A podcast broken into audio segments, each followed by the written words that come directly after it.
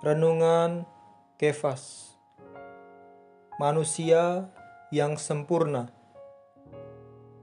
Ayat Alkitab Ibrani pasal 4 ayat 15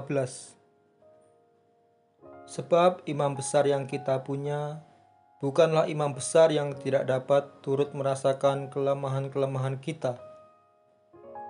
Sebaliknya sama dengan kita, ia telah dicobai hanya tidak berbuat dosa. Di dunia ada orang yang bijaksana, ada tokoh yang berbakat luar biasa, ada orang yang perbuatannya baik, tetapi kesempurnaannya tidak bisa melebihi Tuhan Yesus. Dia lahir dari seorang perempuan dari bayi bertumbuh menjadi anak-anak, kemudian bertumbuh dewasa. Ia penuh hikmat dan kasih karunia Allah ada padanya. Dalam kehidupannya, ia turut merasakan kelemahan manusia. Dia memerlukan sandang, pangan, dan papan selayaknya seorang manusia.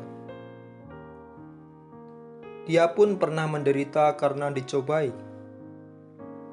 Dia juga adalah seorang tukang kayu. Dia memelihara etika taat kepada bapa yang merawatnya dan ibu yang melahirkannya. Dia memperhatikan hari tua ibunya. Dia juga berbelas kasih, misalnya ketika melihat orang-orang berkelana dan tidak mempunyai makanan. Dia adalah seorang manusia yang sempurna, yang tidak mempunyai sifat dosa, juga tidak pernah melakukan dosa.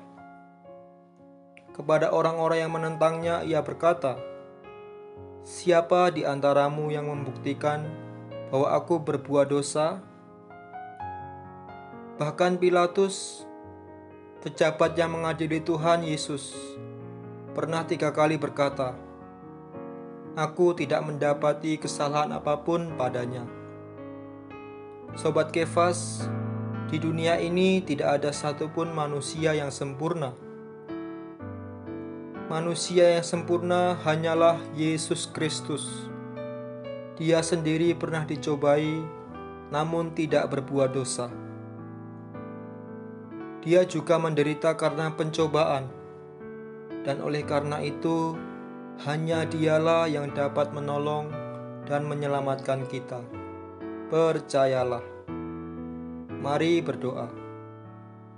Tuhan Yesus, aku menyadari bahwa aku manusia yang lemah, tapi aku juga mengakui bahwa hanya Engkaulah yang sempurna. Engkau sendiri pernah menderita, dan karena itu Engkau sajalah yang dapat menyelamatkan aku. Tuhan Yesus, aku percaya kepadamu. Terima kasih Engkau menyelamatkan aku. Amin.